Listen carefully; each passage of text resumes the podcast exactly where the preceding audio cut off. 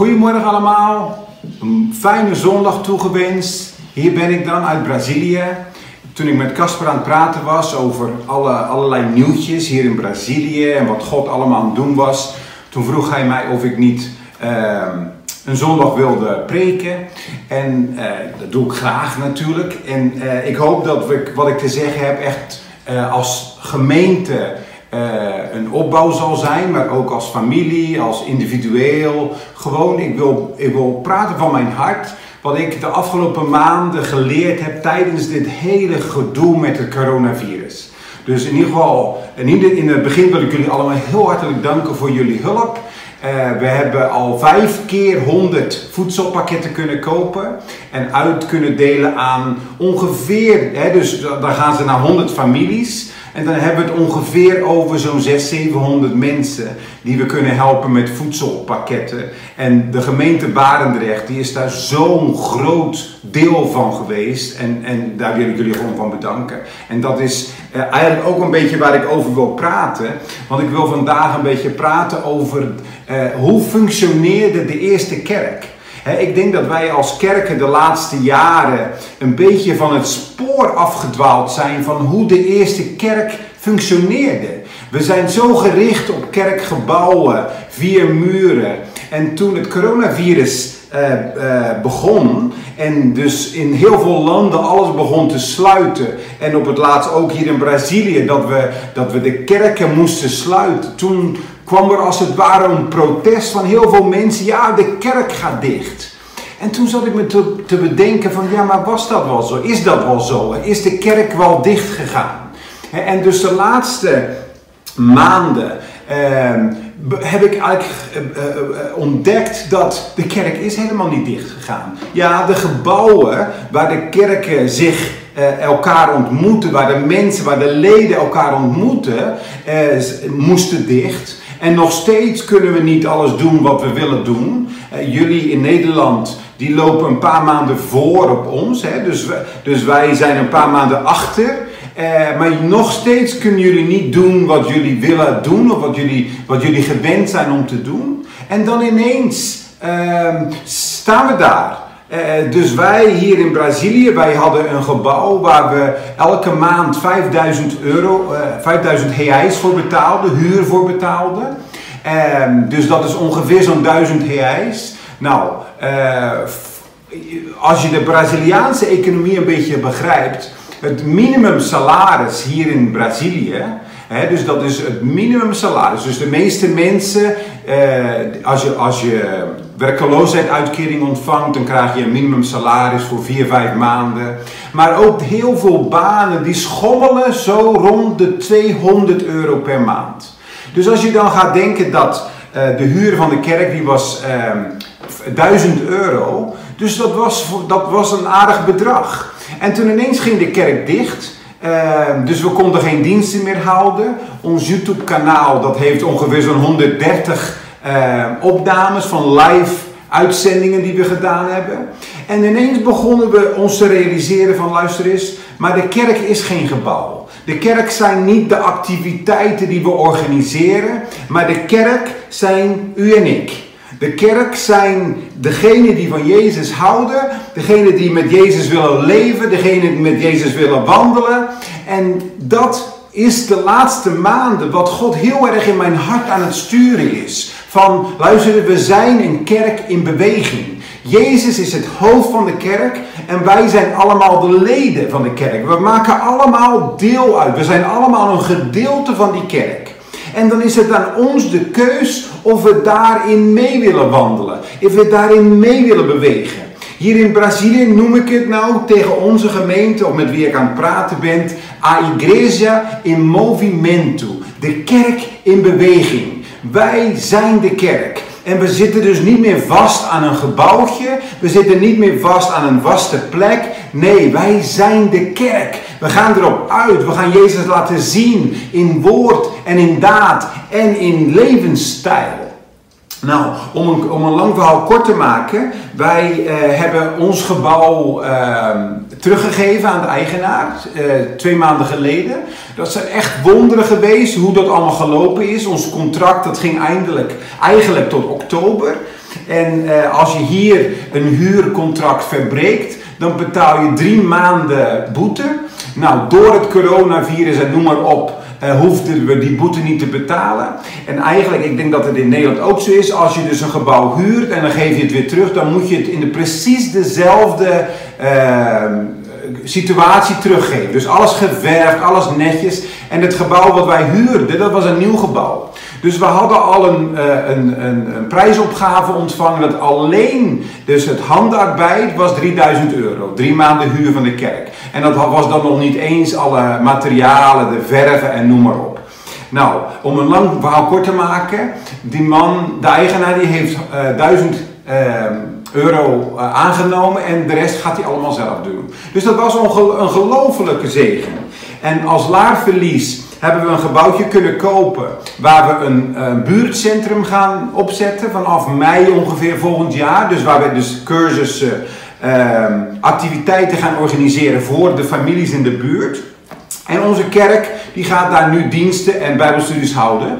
Uh, dus wat dat eigenlijk inhoudt is dus dat we vanaf deze maand als kerk helemaal geen vaste lasten meer hebben. Dus we hebben geen huur, we hebben geen uh, internet. We, hebben, hebben, we kunnen dus ons gaan richten op van nou, hoe willen we dat God ons gaat gebruiken. Dus al het geld wat eigenlijk naar alle vaste lasten ging, kunnen we nu door de tiende, noem maar op, kunnen we sociaal werk gaan doen, kunnen we zendingswerk gaan doen. We kunnen ons dus uh, gaan richten op, ja, wat in Gods ogen, voor, naar mijn gevoel, het belangrijkste is. Dus ik zeg niet dat de kerk en het gebouw en het kerkje spelen niet belangrijk is. Maar ik denk dat het kerkje spelen moet veranderen naar het kerkje zijn. Casper die sprak vorige week ook al over uh, dat we een kerk uh, zijn, dat, we, dat er veranderingen komen, dat, we, dat, we, dat er, hij heeft jullie zelf opgeroepen om als je ideeën, visies hebt voor bepaalde groepen, mannen, vrouwen, echtparen, jeugd, dat je gaat uitspreken wat God in je leven aan het doen is, wat hij aan het, aan het openbaren is. En hier, na deze vijf maanden uh, isolatie. En we zitten er nog in hoor. Ik ging vanmorgen naar een bruiloft. Jill en ik waren uitgenodigd om uh, getuigen te zijn. En dat mochten alleen het echtpaar, hun dochter en uh, Jill en ik, dus vijf mensen. Niemand anders mocht er uitgenodigd worden. Dus we leven in een situatie waarvan je denkt: jongens, jongens, wat, waar leven we in? En dan zien we dat de liefde van Jezus, de verandering die Hij kan brengen in onze levens, in alles, in de families, in de, in de, in de, in de baan, in de financiële situaties, dat, dat, dat Hij daar verandering in kan brengen. Wij hebben gezien in Life Verlies, als familie, als kerk, dat de economische crisis door de coronavirus helemaal ons niet uh, onder druk gezet heeft. Wij, hebben zelf, wij zijn zelf zo gezegend als kerk, als laar verlies. We hebben nog nooit zo'n goed jaar gehad. En dat is Jezus. Jezus, uh, als ik kijk naar, naar, naar Jezus, hij wil dat we als het, als het ware leven uh, wandelend over water. Petrus, die keek naar Jezus toen Jezus over het water liep. En toen zei hij, laat mij ook lopen. En toen zegt Jezus, kom dan. En Petrus ging de boot uit, ging over het water lopen. En zolang hij naar Jezus keek, kon hij over water lopen. Dus kon hij eh, eh, eh, bovennatuurlijk leven. En zodra hij keek naar de problemen, naar alles wat er, hoe het er echt uitzag in de ogen van de mensen, begon hij te zinken. En zo leven wij ook. Als wij ons eh, laten vullen met de problemen van de wereld. En als we ons daarop richten, verliezen we het zicht op Jezus. en wij moeten ons heel vaak herinneren dat uh, onze problemen niet groter zijn dan Jezus. Uh, dus heel vaak gaan we naar je van, ik heb dit probleem, dit probleem, dit probleem. Maar wat we moeten leren en, en, en, en, en zien, is dat we naar onze problemen gaan en zeggen, luister eens, mijn Jezus, die is groter dan de problemen. Nou, eh, ik ben alweer heel lang aan het praten natuurlijk, maar ik wil een gedeelte lezen uit Handelingen 2, waar het staat uh, in, vanaf vers 41 over het leven van de eerste gemeente.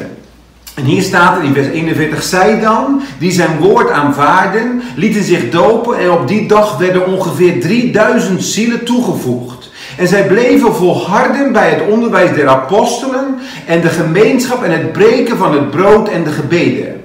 En er kwam vrees over alle ziel en vele wonderen en tekenen geschieden door de apostelen. En allen die tot het geloof gekomen en bijeen vergaderd waren, hadden, als, hadden alles gemeenschappelijk. En telkens waren er die hun bezittingen en haven verkochten en uitdeelden aan allen die er behoefte aan hadden. En voortdurend waren zij elke dag eendrachtig in de tempel, braken het brood aan huis en gebruikten hun maaltijden met blijdschap en eenvoud, des harten. En zij loofden God en stonden in de gunst bij het gehele volk. En de Heere voegde dagelijks toe aan de kring die behouden werden. Nou, als kerk zijnde, en ik denk dat wij, heb ik, wij gemeente de Wijngaard, eh, wij in Brazilië, maar er is gelukkig een hele eh, golf gaande van de genade, dat mensen aan het ontdekken zijn, hé hey, luister eens, we hebben het niet over religie, we willen niet leven onder de wet, maar we willen Jezus volgen. We willen Jezus ons leven laten veranderen. En als, dat, als we dat aan het zien zijn, dan gaan er heel veel kettingen die gaan vanaf ons afbreken. Heel veel maskers, die kunnen we weggooien. Want het gaat er niet meer om hoe we eruit zien. Maar het gaat erom hoe we leven van binnen. Het, het gaat erom wat we geloven. Het, ga, het gaat erom hoe we staan in onze identiteit in Jezus. Want heel vaak worden we ge, ge, geregeerd door de situaties. Heel vaak worden we geregeerd van, nou ja, hoe gaan hun over mij denken? Hoe denk ik over mezelf? Nou, daar hebben we al zo vaak wat over gehoord, dus daar hoef ik hier eigenlijk niks over te zeggen. Maar in Jezus hebben we een nieuwe identiteit. In Jezus zijn we aangenomen, eh, zijn, we, zijn we gerechtvaardigd, zijn we geliefd, zijn we heel en Hij heeft in alles voor ons voorzien. Nou, als we naar deze versen kijken over de eerste kerk, en dan zijn er, gelukkig heb je Google tegenwoordig. Hè? Ik denk dat degenen die preken vandaag de dag, die, die zijn zo gezegend dat je gewoon dingen kan intypen op Google. En dan komen er allerlei dingen naar voren.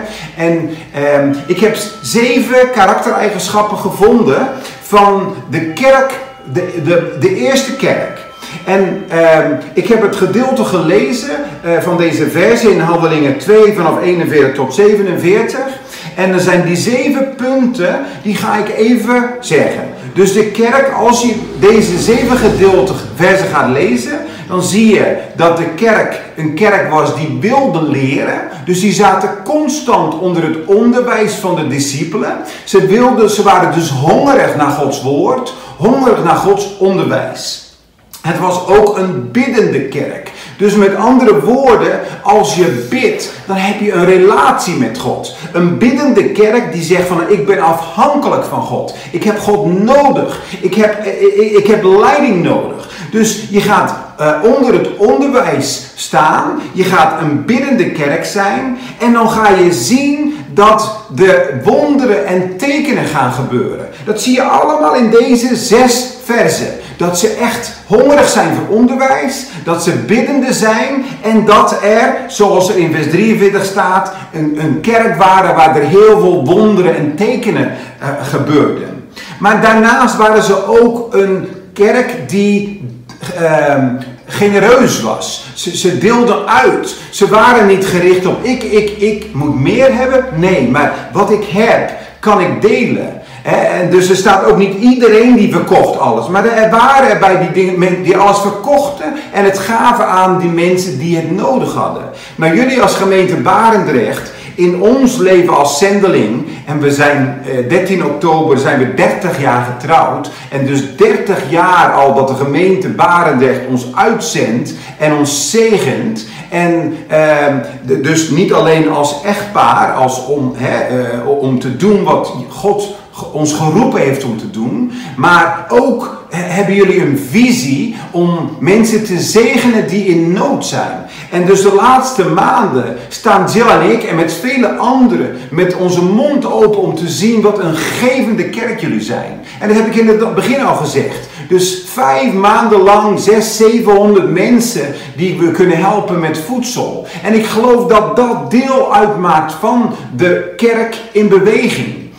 We, wachten niet op mensen die naar ons toe komen. er zijn zoveel kerken die, kerken die kerkjes spelen, zoals ik al eerder gezegd heb. Dus als jij naar mijn kerkje komt, dan ga ik voor je bidden. Dan ga ik je omhelzing geven. Dan ga ik je helpen. Maar als je niet komt, ja, wat kan ik dan voor je doen? Wij zijn de kerk van vandaag, die we in mijn huis waar ik nu woon, daar ben ik een kerk. Dus de mensen om mij heen, die, die, die, die kennen mij door mijn levensstijl.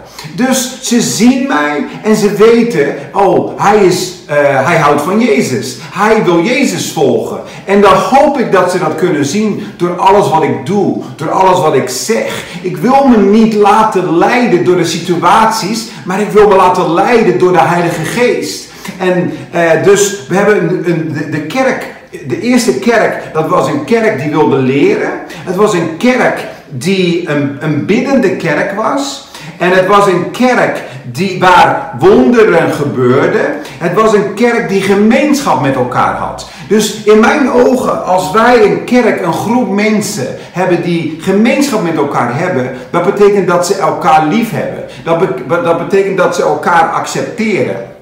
Vandaag de dag leven we in een tijd waarin er heel veel mensen alleen maar van je houden als je het met, als je met ze eens bent. En er is zoveel gaande nou, eh, eh, deze laatste tijd. We hebben het coronavirus. We hebben de Black Lives Matter in Amerika, wat een, een grote oproer veroorzaakt. En dan heb je al het politieke uh, gebeuren over de hele wereld. En dus als je Facebook hebt of Instagram hebt, van nou, er zijn zoveel ruzies en discussies over mijn mening of jouw mening. Nou, ik heb gelijk, jij hebt gelijk. Maar ik geloof dat de kerk, dus de, de, het, het lichaam van Christus, die houdt van mensen zoals ze zijn en wat ze geloven. We hoeven het dus niet met ze eens te zijn, maar we kunnen wel liefde laten zien. We kunnen wel respecteren. En we zeggen, hé, hey, luister eens, ik hou van jou, want Jezus houdt ook van jou.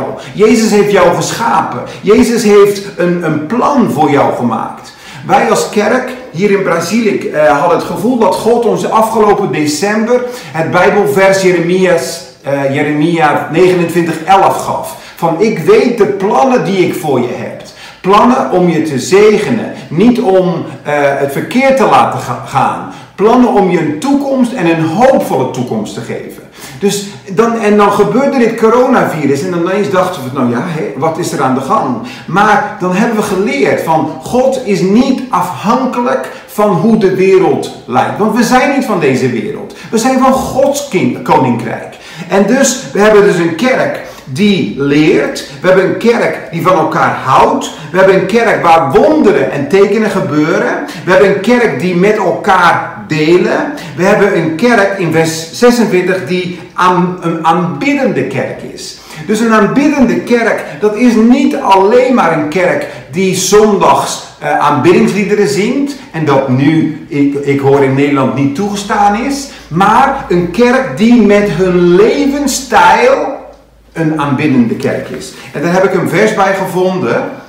Even kijken hoor. Waar het is, dat is uh, 2 Korintiërs uh, 9, uh, vers 6. Waar staat, ik bid u dan broeders door de ontferming in Gods, dat gij uw lichamen stelt tot een levende, heilige en gode welbehagelijke offerande. Dit is uw redelijke godsdienst. En dus zodra wij onze eigen identiteit in Jezus kennen, weten wie we zijn, hoe Hij ons gemaakt heeft, dat we opnieuw geboren zijn en dat we dus onze, ons denken vernieuwd hebben, dan kunnen we met alles wat we doen en alles wat we zeggen alles waar we naar kijken, dan kunnen we God mee aanbidden. En als we dan zeggen van Heer, wilt u ons leiden? Wilt u ons veranderen waar dat nodig is? En dan is het geen wet meer, dan is het geen veroordeling meer, maar dan is het een verlangen. Een verlangen om te zijn zoals Jezus is. En een verlangen om al die beloftes die in de Bijbel staan, dat God die gaat verwerkelijken in ons leven. En dus dat betekent dat ons, ons denken helemaal vernieuwd gaat worden. Dat, dat, eh, dat, dat betekent dat ons hart, onze gedachten gaan vernieuwd gaan worden. En dat betekent dat daardoor ons leven vernieuwd gaat worden. Onze handelingen vernieuwd gaan worden. Dus dat is gewoon iets fantastisch om als we dat gaan, uh, gaan zien. En dus daarnaast, eh, als afsluiting, dan is er in vers 46 en 47, waar staat Ehm, in, in, vers 46. En voortdurend waren zij elke dag eendrachtig in de tempel, braken het brood aan huis en gebruikten hun maaltijden met blijdschap en eenvoud des harten. En zij loofden God, en hier komt mijn volgende punt, en stonden in de gunst bij het hele volk.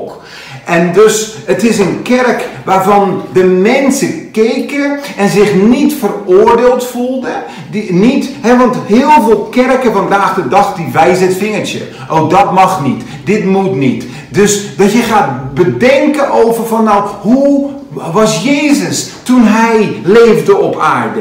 Jezus toen hij eh, op aarde wandelde. En dan geef ik je het voorbeeld toen hij bijvoorbeeld in het huis van Zacchaeus binnenkwam.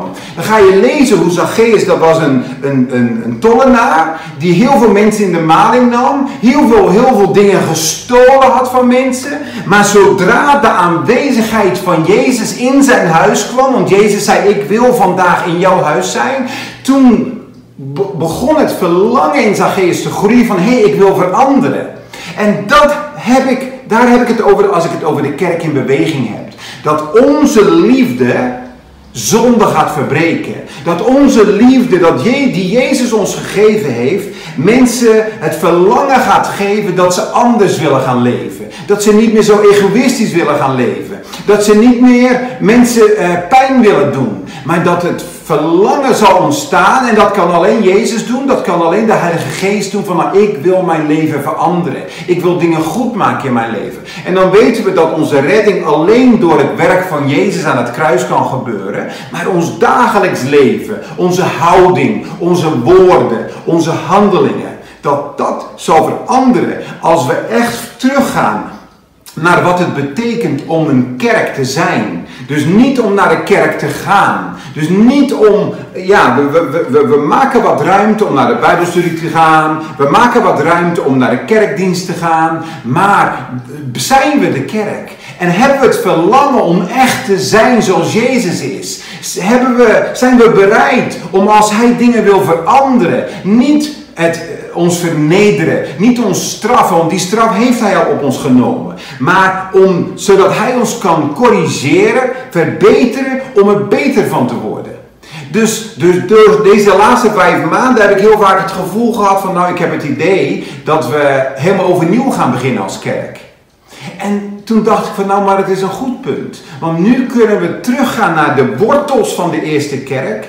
dus ze kwamen bij elkaar. En wie was het centrum? Jezus. Want je ziet daar eh, verschillende keren dat ze het heilige avondmaal met elkaar eh, eh, deelden. Dus het brood braken, de wijn dronken. en, dus, en dat doen we al, dat zijn we als kerken al gewend. Om nu dus, dus het heilige avondmaal te gaan vieren. Maar dat, dat we daardoor gewoon her, herdenken wat Jezus voor ons gedaan heeft. Hoe wie hij ons gemaakt heeft. Een nieuwe creatie. Meer dan overwinnaar. Dat we geheiligd zijn, gerechtvaardigd zijn, gered zijn, genezen zijn. Dat is wie, wat Jezus voor ons gedaan heeft. En dus ik weet niet uh, of dit is wat jullie van mij verwachten. Maar ik geloof dat God bezig is door het hele gebeuren met het coronavirus, met alles wat er gezegd wordt, dat er een opwekking komt. Dat we teruggaan naar wat een kerk van Christus echt is. Niet wat een kerk van Christus doet, maar wie we zijn in Christus. Wat is een kerk? Niet waar we ons, waar we ons ontmoeten. Niet waar we elke zondag naartoe gaan. Maar wat zijn wij? Wie zijn wij als lichaam van Christus? Als ik de hand ben en jij bent de voet en een ander is het oor en een ander is het oog. Hoe gaan we samenwerken? Ik denk dat dat is door terug te gaan naar deze punten. Dat we echt willen leren van Jezus. Het onderwijs willen horen. Dat we een kerk zijn die van elkaar houden. Dat we een biddende kerk zijn. Dat we een kerk zijn die ons richt om de Heilige Geest te laten werken. dus als er staat dat er wonderen en tekenen gebeuren. Nou luister eens. Dan uh, in Johannes, nee in 1 Thessalonicense 5. Uh, nee sorry jongens. Johannes 14, 12, waar staat: Voorwaar, voorwaar, ik zeg u lieden, die in mij gelooft, de werken die ik doe, zal hij ook doen. En zal meerder doen dan deze, want ik ga heen tot mijn vader. Dus hij wil wonderen en tekenen verrichten door ons heen. En als het geloof in hem komt, door het horen van het woord van God, dan zeg ik laten we onder het onderwijs staan. Laten we goede Bijbels onderwijs horen, zodat ons, onze gedachten vernieuwd kan worden. Zodat ons geloof kan oprijzen. En dat we echt kunnen doen wat God wil dat we doen. En hoe hij ons wil gebruiken. En dat we dus een aanbiddende kerk zijn. Niet alleen maar door te zingen. En, en de, band, de, de band van jullie is geweldig. Heerlijk om naar te luisteren. Maar dat we een aanbiddende kerk zijn. Maar dat we ons hele lichaam. Dus ons persoonlijke lichaam, als families, lichaam van, van de gemeente, dat we dat naar Hem oprechten. We willen U daarmee aanbidden. En dat we ook een kerk zijn die niet meer het vingertje wijzen, die niet meer mensen veroordelen. Nee, ik ga alleen van je houden als jij zo, zo denkt zoals ik denk. Maar dat we echt mensen, van mensen houden omdat Jezus van ze houdt. En dat, uh, dat, dat we vertrouwen dat Jezus de mensen zal veranderen. Ik hoef niemand te veranderen. Heel vaak, mensen weten wat zonde is. Maar dat uh, zodra Jezus in hun huis komt, net als, net als bij Zacchaeus, dat Jezus dan de veranderingen gaat aanbrengen. Nou, ik ben blij dat. Ik, ik ga Jill vragen om het zo uit te doen. Um, ik, ik, ben, blij dat ik heb kunnen zeggen in het Nederlands. Jill, come here for a minute and say hello. Um, en zo, God is, God is ons echt aan het zegenen hier in, in Brazilië. We zijn uh, blij met wat hij aan het doen is. Tuurlijk, we hebben onze problemen, maar we zijn bijna 30 jaar getrouwd. We houden van elkaar. God is bij ons. En God is wonder aan het doen. En wij willen jullie gewoon heel erg bedanken voor alles wat jullie voor ons doen en voor de mensen om ons heen, voor de bediening. God zegen en jullie allemaal. En Jill die gaat de knopje indrukken. Dus heel veel groetjes en tot de volgende keer.